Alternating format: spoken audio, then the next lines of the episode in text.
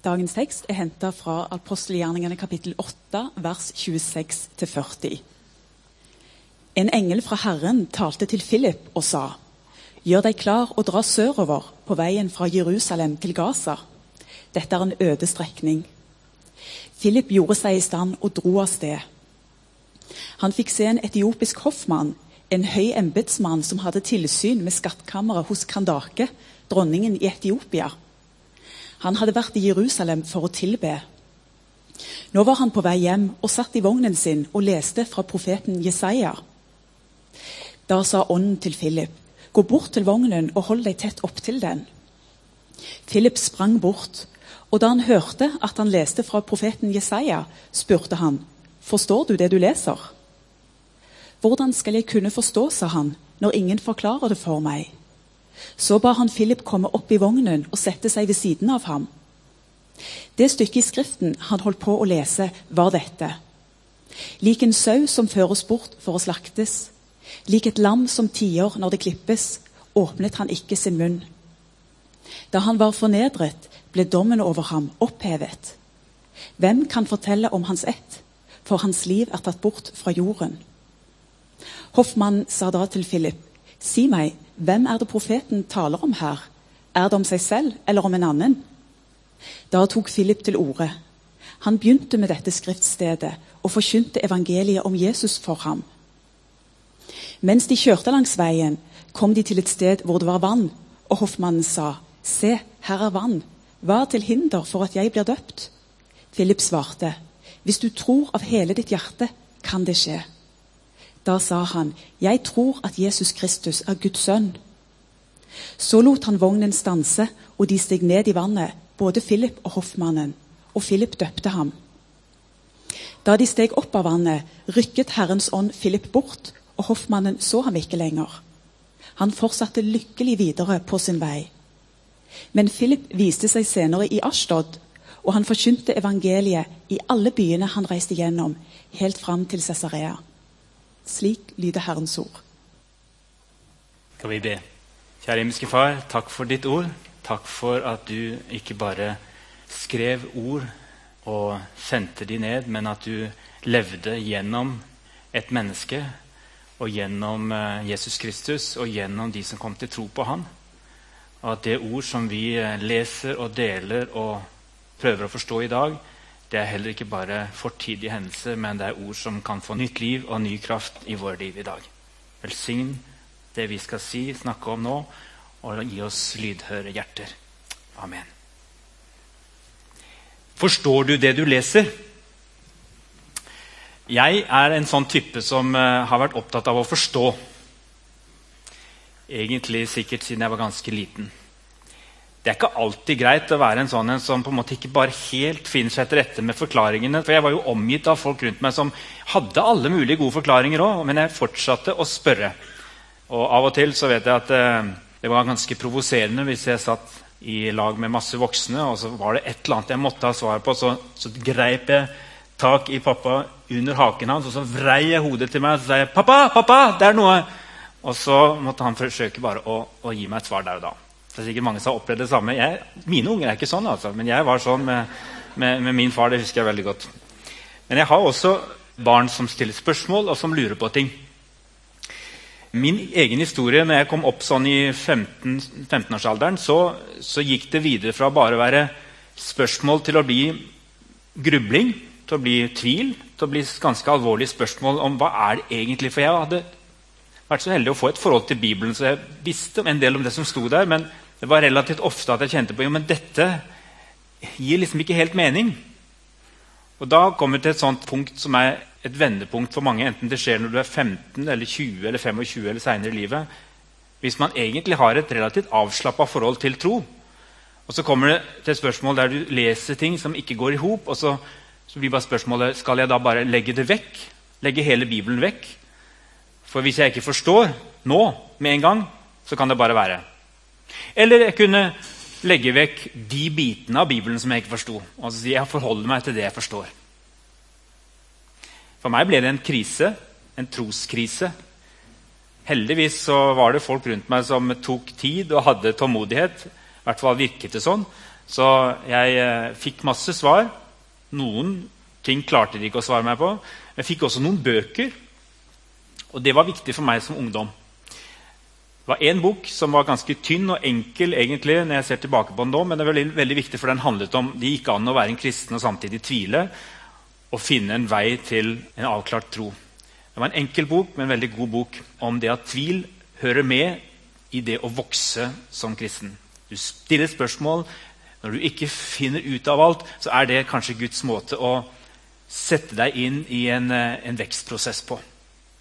Så jeg lærte at tvilen den er ikke nødvendigvis en fiende. Den kan være noe som jeg trenger for å vokse og forstå mer om hva det vil si å være en som tror på Gud. I en verden der hvor det er mer og mer rart og underlig, så trenger vi faktisk å stille oss sjøl spørsmål som andre har. Så tvilen, den hører med. Og Så fikk jeg også en annen bok, og den var også veldig interessant fordi at jeg tenkte at det var så veldig mye merkelige historier, spesielt i Det gamle testamentet, som ga lite mening for meg som kristen. Og så var det en som hadde skrevet en del om sammenhengene mellom Det gamle testamentet, den gamle delen av Bibelen, og den nye. Og Da oppdaget jeg at her var det så utrolig mange linker og mange forbindelseslinjer og røde tråder.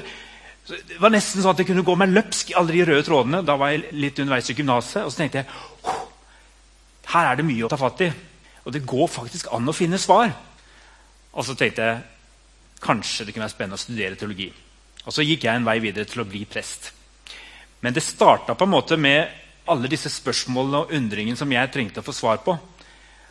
Og så har jeg vært veldig glad for at underveis og hadde kanskje ikke vært en kristen i dag hvis ikke at det ikke bare har vært snakk om å få ting inn i hodet mitt og forstå, men det har også handla mer og mer om å erfare at Ånden faktisk er til stede i mitt liv, at Jesus lever, at han vil være min venn, at dette handler om en relasjon og ikke bare om å forstå.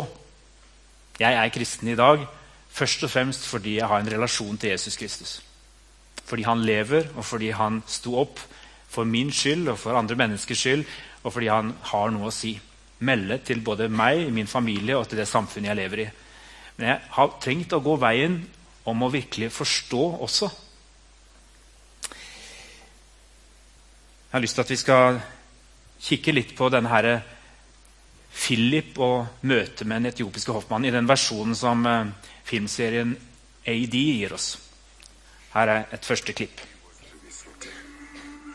As a lamb before his shearer is silent, so he did not open his mouth. In his humiliation, he was deprived of justice. Who shall speak of his descendants? For his life was taken from the earth. You look to have fallen on hard times, friend. Indeed. And I have fallen hard. Do you need help? I've repaired a few wheels in my time. Thank you. Please. Her møtte vi altså Philip og den etiopiske hoffmannen i en litt spesiell versjon. Men hvem var denne Philip? Han var en av de nye disiplene.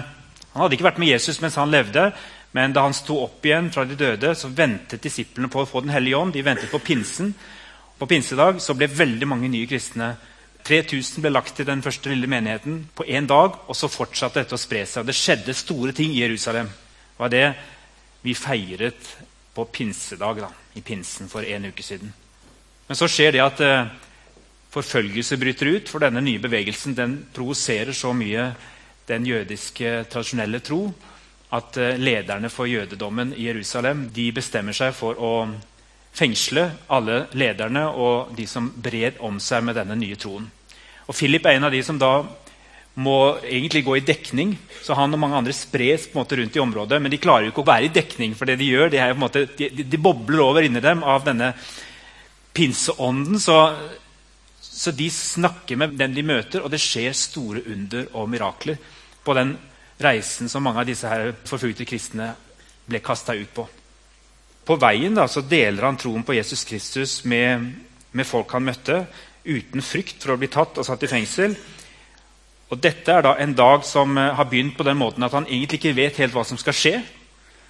Men Hellig Ånd, det står at en hellig ånd, eller en engel, kom til han og sa at uh, han skulle gjøre seg klar og dra. Og han skal dra ut på en gåtur fra Jerusalem til Gaza, i det området som var et ganske sånn øde område. Det er jo steder som fortsatt vi hører om i dag. Historiske steder, aktuelle steder. Det der at en engel skal tale direkte til et menneske om å gjøre noe spesielt, det er noe vi har hørt folk oppleve. Når vi snakker om det at det var en engel som talte til meg, så kan vi også tenke at jo, det var sånn han opplevde det. Kanskje trenger det ikke å være så dramatisk som at en engel sto foran han og snakket. Kanskje var det det som vi ofte i dag kan kalle for en innskytelse. Og Innskytelse kan komme fra mange forskjellige kanter, men de kan også komme fra Gud. Innskytelse kan være noe du kan oppleve. Noen av dere har sikkert erfart det. At de har kjent en dag at de skulle gjøre noe som ikke helt sto på planen. Gå et spesielt sted eller stoppe opp en spesiell plass. Og de bare kjenner jo, det er visst det jeg skal gjøre i dag. Spesielt mennesker som lever i bønn, de opplever stadig vekk at de får sånne innskytelser til å stoppe opp kanskje og gjøre en ting som de ikke hadde helt planlagt. Det er det som skjer med Philip. Han får beskjed om å gå på en spesiell gåtur og se hva som skjer. Og så kommer det da en eh, Kanskje var det en hel karavane forbi. Men her har de gjort det litt enklere. Men de har gjort det kanskje mer troverdig for en sånn samtale hvordan den kunne foregå i dag. Fordi at eh, her har de laget en historie med at denne etiopiske hoffmannen har da fått problemer med hjulene på vogna si. Det ene hjulet på vogna si. Som om eh, noen stopper langs landeveien fordi det er en eller annen som strever med dekket sitt. Det kan skje når som helst. Og da er spørsmålet, Gidder vi å gjøre noe med dette? her? Nei, Han fikser det sikkert selv. Men her så stopper Philip opp, går bort, og så sier han dette har jeg gjort før. Han er en sånn handyman, og denne hoffmannen ser ut som han ikke aner for og bak på denne vogna si. Han var ikke vant til å gjøre den typen ting. For de fleste av oss syns det er litt sånn vanskelig å gå i gang og snakke med andre om noe så personlig som hva vi tror på sånn uten videre. Vi kan kanskje oppleve at det er en fin måte å være oppmerksom på om folk trenger hjelp med praktiske ting. Godhet, overraskende godhet, det åpner veldig ofte opp for gode relasjoner. Og gode relasjoner, nye relasjoner, åpner ofte også opp for samtaler om store ting i livet. Men av og til må vi gå en liten, være litt tålmodige og faktisk gjøre oss kjent med mennesket først. Denne etiopiske hoffmannen han, eh, han, er spennende. og Vi skal snakke litt mer om hvem han var etterpå. hvem han kanskje var, Men for meg er, er denne historien mer og mer interessant fordi han, det sies ganske mye om denne mannen. I, I, få setninger så får vi ganske mye informasjon om han. Og med den informasjonen så kan han på en måte plasseres inn i veldig mange ulike roller. Denne etiopiske hoffmannen han var for det første det står at han var evnukk. Det var de ofte når de jobbet sentralt i hoffet og hadde store tillitsverv. En evnukk var en som tidlig var bestemt til å måtte leve enslig hele livet, ikke ha familie, men ofre seg helt og fullt for hoffet og dronningen eller kongen.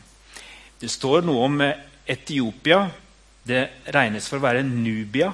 Og Nubia er ikke nødvendigvis det konkrete landet Etiopia i dag, men et sørlig område av dagens Egypt. Et stort rike som heter Nubia. Der hadde de sannsynligvis dronninger som kunne hete Kandake.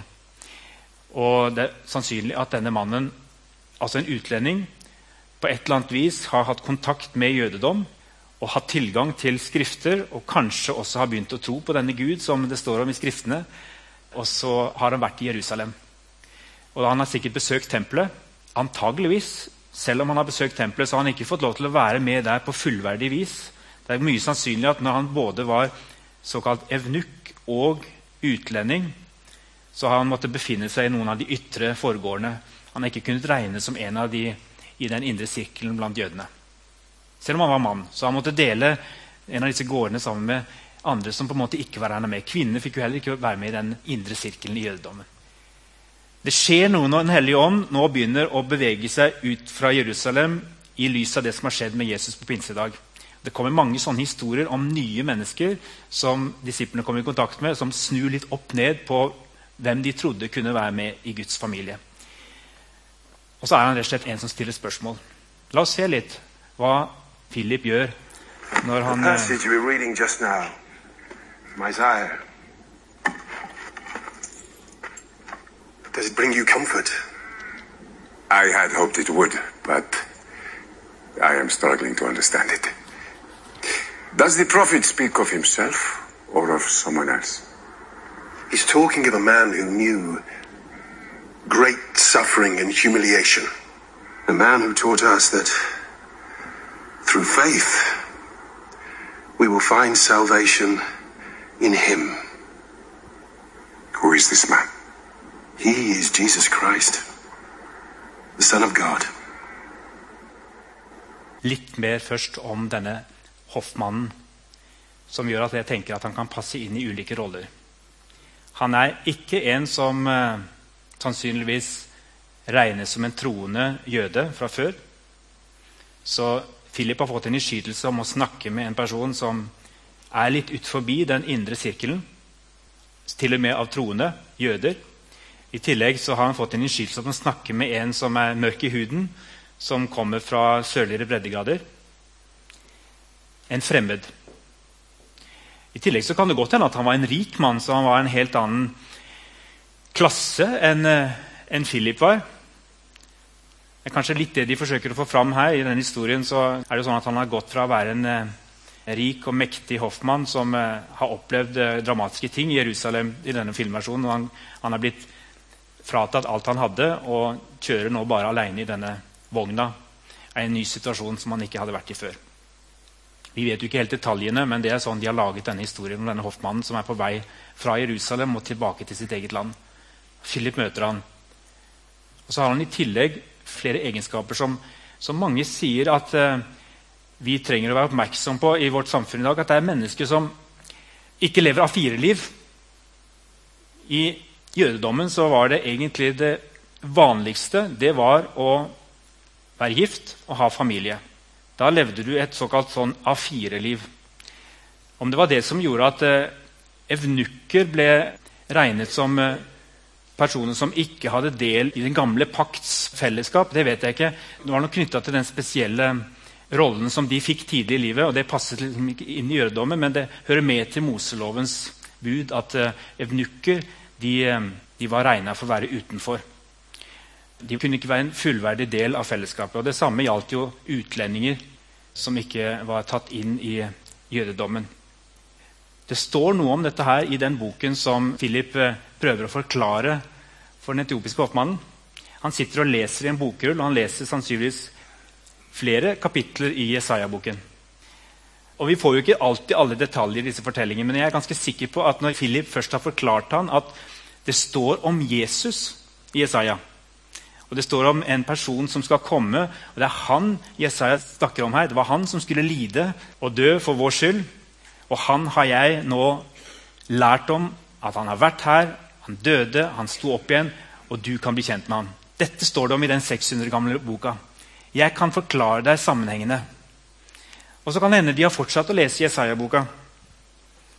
For litt seinere står det i kapittel 56, vers 3.: Den fremmede som har sluttet seg til Herren, skal ikke si 'Herren vil skille meg ut fra sitt folk'. Evnukken skal ikke si 'Se, jeg er et tørt tre'. For så sier Herren, evnukker som holder mine sabbater, som velger å gjøre det jeg vil og holder fast ved min pakt, dem gir jeg en minnetavle og et navn i mitt hus og på mine murer. Dette er bedre enn sønner og døtre. Jeg gir dem et evig navn som aldri skal slettes ut. Det er en eh, gruppering som vi ikke kjenner noe til i eh, dagens samfunn, heldigvis, som ble tvunget til å leve som tjenere ved hoffet og egentlig da miste muligheten til å stifte familie. Men det som skjer her, det er at en gruppe som var ekskludert, de får en profeti over seg som kanskje ikke har blitt oppfylt i, i de 600 årene. En profeti om at de skal bli fullverdig del av familien. De skal få noe som er bedre enn sønner og døtre. Jeg tror det er veldig mange mennesker som ikke kjenner at de passer inn, eller at de er A4-mennesker. Og som ikke passer inn i et eh, normalt eller et samfunnsmønster som kanskje ja, tradisjonell ramme for hvordan man skal være. Og Da er det lett også å bli beskyldt for oss som kirke og menighet for at vi, vi lager fellesskap som gjør at noen ikke passer inn. Eller fellesskapet passer ikke for de som snakker et annet språk eller har en annen kultur. Når Den hellige ånd bryter ut og går gjennom Jerusalem og videre utover til jordens ende, så skjer det på veien sånne radikale endringsprosesser. Der mennesker som kjenner seg utafor, får et møte med Guds ord og fornyet møte med at det som står der, taler også til dem. De skal få lov til å være med i familien, de skal få lov til å være der sånn som de er. Og Samtidig så forklarer også Philip sammenhengen i Bibelen. Han legger ikke til side ordene som står der. Han holder fram at alt det som står i denne bokrullen, det gir mening i dag. Eller var Philip rett og slett bare en som stilte spørsmål, hadde intellektuelle vanskeligheter med kristentroen? Med boka, med det som han leste, sånn som veldig mange vi møter, kanskje på arbeidsplassen og andre steder i dag. I møte med mennesker som ikke bare stiller spørsmål, men kanskje også kritiserer og sier dette kan vi ikke akseptere, det er intellektuelt selvmord å tro på det dere tror på. Hva svarer vi? Peter han sa det sånn i sitt brev 1. Peter kapittel 3, 15-16.: Vær alltid klare til forsvar når noen krever dere et regnskap for det håp dere eier. Men gjør det ydmykt og med gudsfrykt, så dere kan ha en god samvittighet. Jeg liker det ordet trosforsvar. På det fremmedordet det er apologetikk. Men på norsk så kan vi si trosforsvar. Og Det er eh, mer og mer aktuelt i dag, fordi jeg tror at mange mennesker de kunne gjerne komme til tro hvis noen hadde forklart dem en del av de tingene som oppleves intellektuelt vanskelig å forstå. Det var ikke bare sånne som meg. Det er ikke bare sånn at det er enkeltpersoner som allerede er i en trygg kristen familie, som går med gode spørsmål som kanskje får svar med en gang. Men det er veldig mange som, som, bare legger til side Bibelen uten videre fordi de bare har lest eller hørt et eller annet sted, ofte det som skrives i media, at denne boka den er utdatert. Den kan ikke ha noe å si for våre liv i dag. Da kreves det kanskje at det er noen av oss som reiser oss og blir trosforsvarere og legg merke til hvordan man skulle forsvare sin tro ifølge Peter. Gjør det ydmykt og med gudsfrykt, så dere kan ha en god samvittighet. Det er noen forskjellige arenaer det skjer på.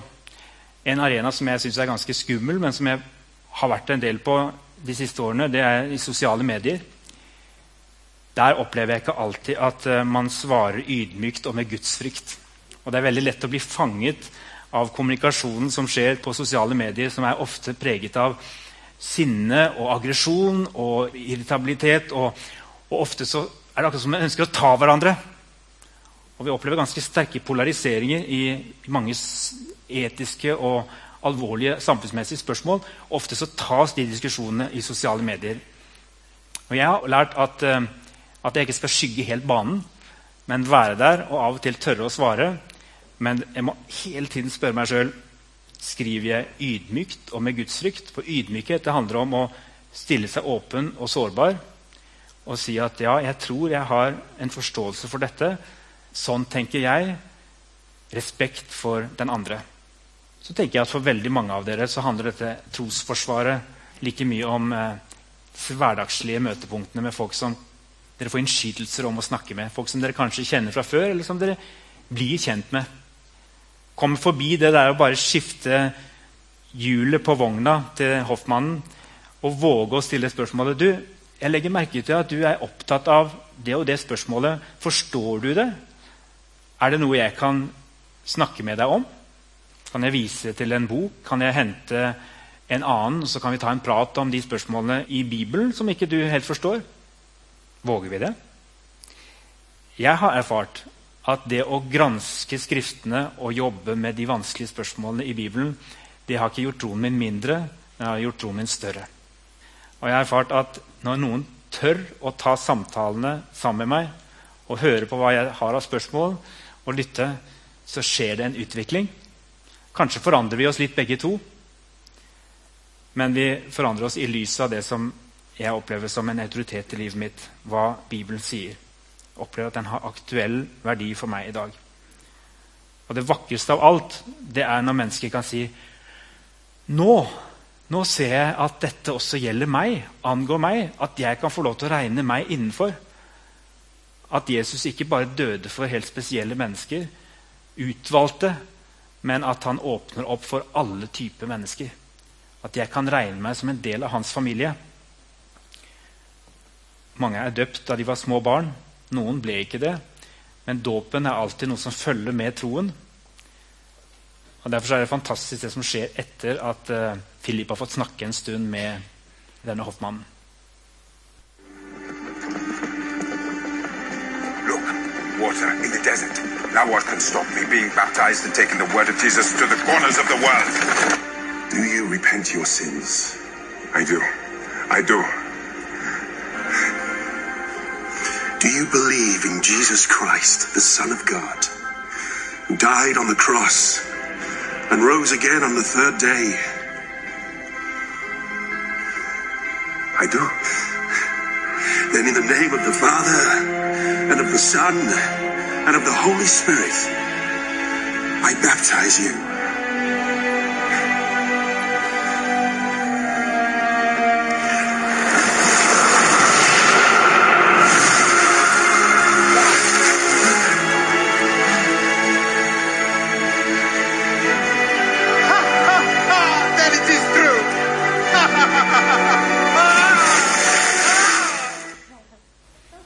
Skal vi be?